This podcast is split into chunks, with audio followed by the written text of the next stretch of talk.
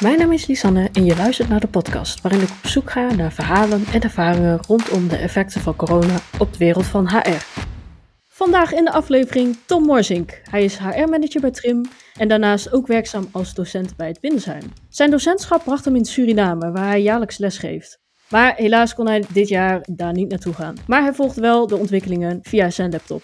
In deze aflevering gaan we eens kijken naar het verschil tussen Suriname en Nederland.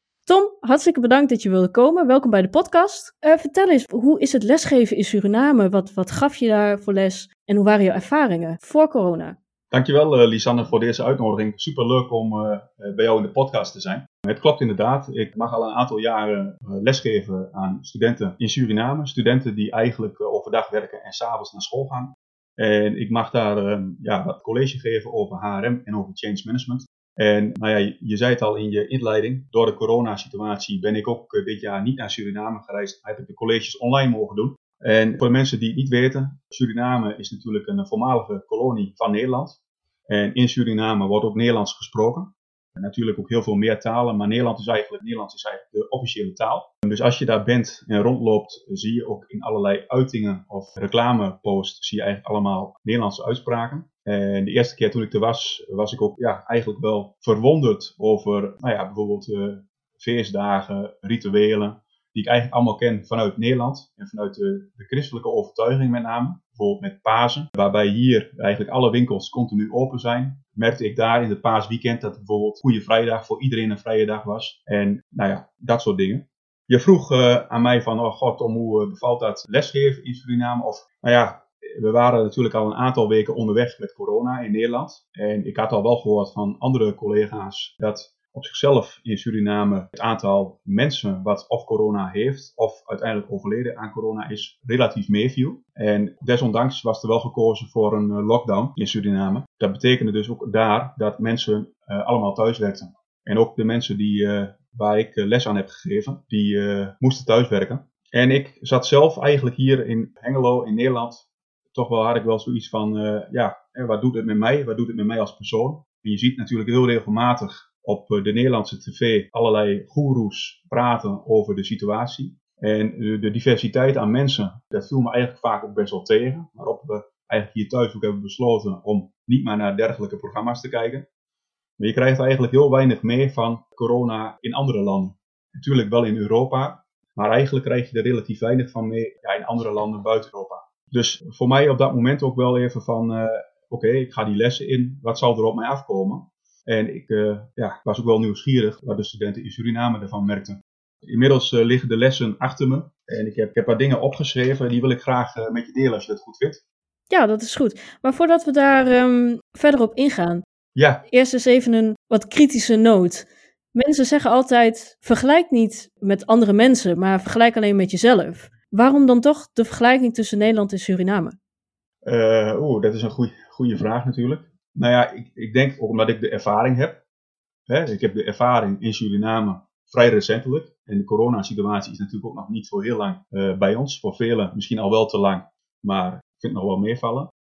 Uh, dus dat is voor mij een hele actuele ervaring. En het is ook een actuele ervaring in van enerzijds het besef van ja, waar je hier tegenaan loopt. En anderzijds waar de mensen daar tegenaan lopen. Dus als je mij vraagt van, goh, hè, wat, wat, wat heb je geleerd of waarom is dit voor jou belangrijk?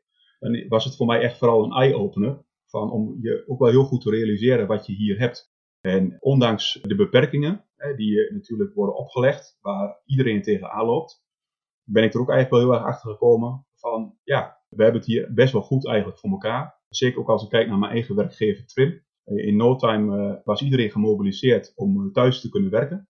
Nou, dat kun je ook zien als extreme luxe natuurlijk. Waarbij ook uh, een aantal bedrijven in Nederland ook wel uh, nou ja, een aantal investeringen heeft moeten doen om het thuiswerken goed mogelijk te maken. Dus ik weet niet of dat helemaal, helemaal uh, antwoord is op je vraag, maar als je praat over coronatijd, heb ik in ieder geval de ervaring in Suriname en die zou ik graag willen delen. Wij zijn heel erg benieuwd. Neem ons mee in je verhaal. Ja, nou ja, goed. We hadden in het voorgesprek hadden we het ook over een artikeltje, uh, Lisanne, wat ik wel interessant vind om te noemen. En jij zei wel van, nou ja, artikelen noemen is altijd goed om te doen. Hè? Dat, dat uh, geeft misschien aan dat je expert bent. Nou, zo wil ik mezelf niet noemen. Maar um, het artikeltje waar ik even wil, naar wil verwijzen is het artikel van Walton van 1985. Het eh, staat in de Harvard Business Review en het gaat over van controle naar commitment benadering in organisaties. Ik zal uh, ook even de link toevoegen in de, de comments. Ja, die vind ik eigenlijk wel heel erg interessant, omdat als je kijkt naar HRM en de ontwikkelingen van het vak HRM, dan zou je kunnen zeggen dat het HR-vak vooral uh, in Nederland natuurlijk ook in eerste instantie heel erg beheersgericht was. Hè? Gericht op administratieve processen, gericht om uh, misschien wel mensen te kijken, te controleren wat ze doen, hoe ze dat doen, misschien wel met schriftelijke waarschuwingen werken. En je ziet toch eigenlijk wel dat er de afgelopen jaren ook een verschuiving heeft plaatsgevonden om veel meer vanuit vertrouwen naar de inrichting van werk te kijken. Nou, ik vind dat wel een belangrijke uitgangspunt ook voor het vergelijk tussen Suriname en Nederland. Uiteraard zijn er in Suriname ook bedrijven die wat multinationals zijn, die een moderne variant hebben van HRM-beleid. Maar over het algemeen genomen zie je ook terug dat die klassieke benaderingen van HR veelal terug te vinden zijn in Suriname. En ik vind interessante voorbeelden daarvan dat ja, ook de kijk van uh, mijn studenten, en dat zijn niet allemaal HR-professionals, veelal niet, het zijn veelal studenten die ook een technische achtergrond hebben. Heb je het voor onze beeldvorming over studenten die je in Nederland lesgeeft, in Suriname of beide? Uh, nee, ik heb het nu over de studenten in Suriname. De, de groep studenten, dat waren in dit geval 18. En dat zijn studenten dus die naast hun werk s'avonds nog een MBA doen. En me, de meeste mensen hebben wel ervaringen met, met, met HR, maar zijn niet altijd bekend met het HR-vak. Dus ja, terug te komen op jouw vraag van, uh, ja, het artikel van Walton neemt ons dus mee van, hè, van controle naar commitmentbenadering in organisaties. Dus dat is iets wat je in Suriname, daar zie je ook die ontwikkeling momenteel. Veelal zie je in organisaties dat ze BS-gericht zijn, dus op controle gericht. En dat vind ik eigenlijk het mooiste om te vertellen, is dat door corona en door het feit dat mensen thuis moesten werken, die controle eigenlijk niet meer plaats kon vinden. Dus ja, er, was, er waren een aantal studenten die gaven ook aan van, nou ja, onze productiviteit in, in onze organisatie is gestegen. We hebben helaas afscheid moeten nemen van een aantal uitzendkrachten. Maar eigenlijk zeggen we van, goh, de productiviteit is gestegen, we missen de uitzendkrachten niet. Dus ja, dat zijn wel bijzondere uitspraken die studenten dan doen tijdens zo'n college, waarbij ik denk van, ja, hè, hoe was het dan georganiseerd? En ja, goed, daar waren jij en ik natuurlijk niet bij. Maar het geeft wel aan dat ja, de, het, het, thuiswerken daar eigenlijk een heel positief effect heeft. Tenminste, dat wordt dan door de studenten werd dat eigenlijk verteld. Heb je eigenlijk het idee dat in Nederland het vertrouwen veel hoger ligt dan in Suriname? Ik denk wel dat, kijk, wij zijn gewend om uh, een polder, poldermodel. Over het algemeen genomen is, is de manier waarop wij ons werk hebben ingericht. En als we ontevreden zijn, gaat daar, gaat daar een goed gesprek natuurlijk over in. En tuurlijk zijn er uitzonderingen. En tuurlijk kunnen we nog veel doen aan leiderschap, kunnen we nog veel doen aan inrichting van organisaties.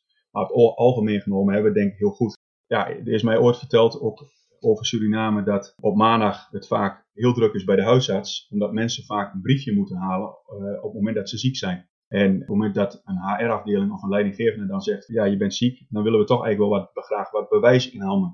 Nou ja, dat is een voorbeeld van hoe HR dan ook functioneert in dergelijke organisaties. Vond ook nog wel opvallend dat een, een, student aangaf van ja, je ziet ze eigenlijk helemaal niet, die HR-professionals.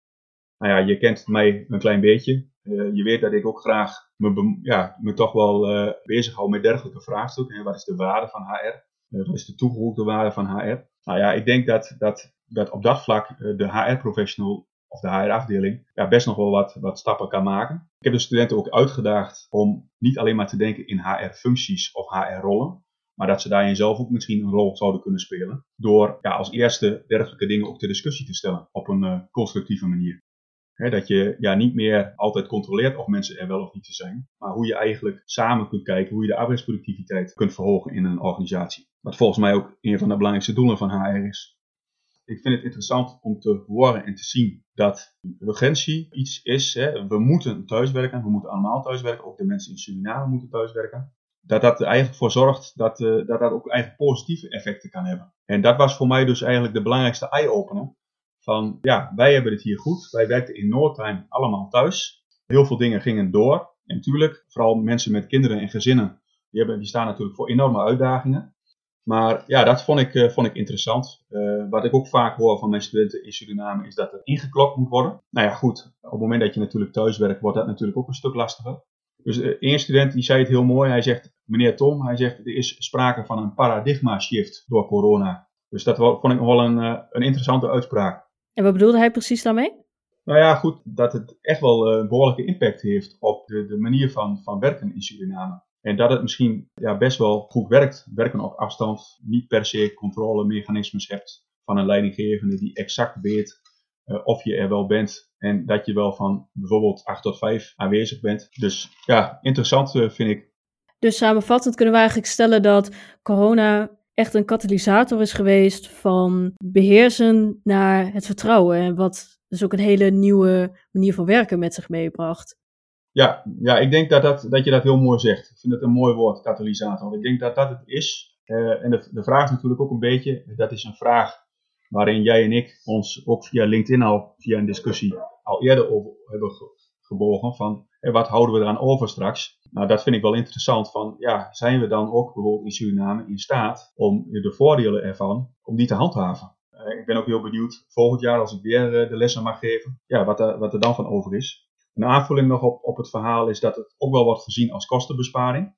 Dus hè, als mensen thuis werken en mensen werken niet meer in een pand, dan zorgt dat er natuurlijk voor dat er uh, ja, geen schoonmaakkosten zijn en, en geen, misschien geen huur of, of andere dingen. Nou ja, studenten gaven dus aan dat mensen productiever zijn, goedkoper vanwege het uitgavenpatroon. Oh ja, en wat ik wel een hele mooie toevoeging op vond van iemand die zei van ja, we zijn nou als familie echt bij elkaar. Dus ondanks dat er werk moet verzet moet worden, uh, zijn we veel meer bij elkaar en hebben we veel meer tijd voor onszelf. Um, en dat, dat, vond ik ook een hele mooie opbrengst die ik ook hier in Nederland wel zie. Ook als ik kijk naar mezelf. Hey, in plaats van uh, met een collega of met een vriend dat je ergens een wandelingetje maakt, maak je nu een wandelingetje met je buurman. Of met je partner, of met je kinderen natuurlijk. Maar dat hoor ik ook, dat ja, de band met, met, met familie, vrienden, wordt, uh, wordt misschien wel hechter. Ik denk dat dat hele mooie opbrengsten zijn. Als we dat idee van vertrouwen, waar we het eigenlijk ook wel over hebben in, in Suriname, iets meenemen naar Nederland. Hoe kunnen wij als HR-professionals ervoor zorgen dat we niet weer teruggaan naar het managen heel erg van mensen? En dat we toch dat vertrouwen niet alleen thuis laten, maar ook meenemen naar kantoor.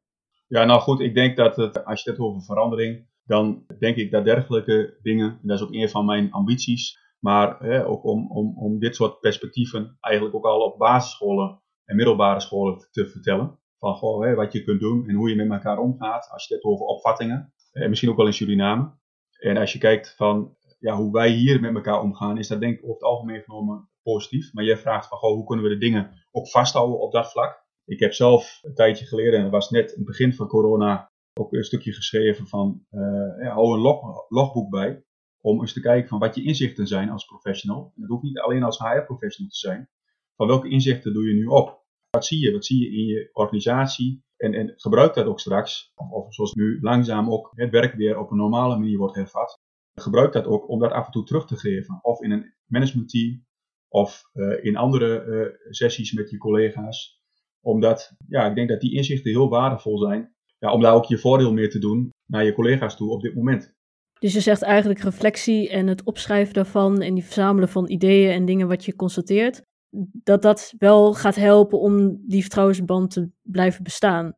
Ja, ik denk dat dat belangrijk is. Ik weet dat er uh, verschillende organisaties zijn, ook in Nederland. Dus ik weet ook wel dat, hè, als je het hebt over dat artikel van controle naar commitment benadering in organisaties, dat er ook in Nederland wel uh, heel veel voorbeelden zijn die wat meer op controle zitten. En dat kan ook. Hè. Het kan ook een, een uitgangspunt zijn in je beleid van je organisatie, dat je zo denkt. En dat, dat is ook prima. Uh, ik denk echter wel dat, dat sommige dingen ook culturele aspecten kunnen zijn. Ook, ook in organisaties, maar ook in een land bijvoorbeeld. Ik vertel ook regelmatig over de voorbeelden die we in Nederland kennen, of, of internationaal ook kennen, van organisaties die, die echt op een andere manier zijn ingericht. Maar over het algemeen genomen denk ik dat we in Nederland het heel goed hebben. Uh, dat we over heel veel dingen altijd een gesprek kunnen aanvragen of met elkaar een gesprek aan kunnen gaan. Om via zo'n gesprek en via dialoog ook weer een, een stapje verder te komen met elkaar. En concreet, wat zijn jouw um, adviespunten op dit vlak?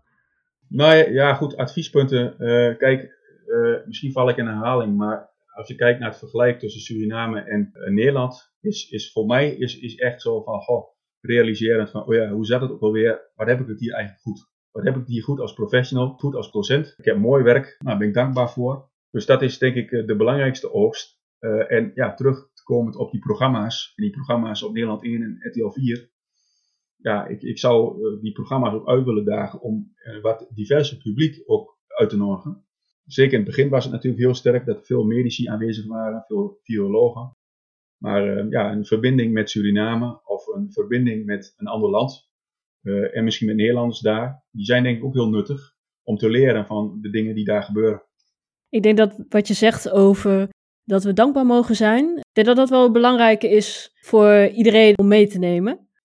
Ik ben ook heel benieuwd naar de luisteraars wat hun meest indrukwekkende inzicht is geweest tijdens de coronatijd. Dus de vraag aan, uh, aan onze luisteraars, laat het weten in de comments.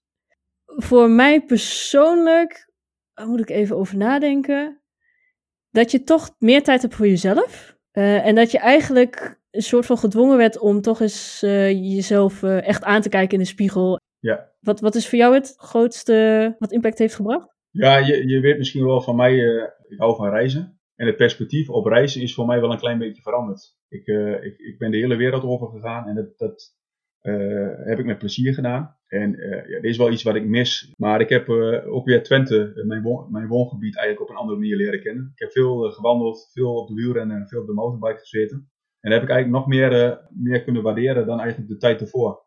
Dus ja, wat leert mij dat? Dat je ook niet altijd heel ver weg hoeft te zoeken wat mooi is. En dat ik mijn eigen, eigen achtertuin eigenlijk nog onvoldoende ken. Dus wat vaker op vakantie in Tunesië? Als je het zo wil noemen, heel inderdaad. En ja, toch ook wat jij ook zegt. Je, je gaat ook weer terug naar wat oude, tussen aanhalingstekens, hobby's, interesses. Hè, als lezen, koken. Ik zie mensen skileren. Vissen zie ik veel mensen doen. Ja, dat vind ik wel bijzonder. Uh, en ook wel mooi dat dat in zo'n tijd allemaal weer ontstaat. Laten we hiermee de podcast afsluiten. Als onze luisteraars contact met jou willen opnemen, um, hoe zouden ze dat kunnen doen? Mensen kunnen mij via LinkedIn benaderen. Misschien kun je mij taggen op het moment dat je deze podcast ook online gaat gooien. Ja, dat ga ik zeker doen. Ja, dan uh, zijn mensen van harte welkom om te connecten. Tom, ik wil je hartstikke bedanken voor dit interessante gesprek. En ik kan gelukkig zeggen tot binnenkort, want we gaan nog een podcast samen opnemen. En deze zal meer gaan over wat de rol is van HR. Dus tot snel! Tot snel!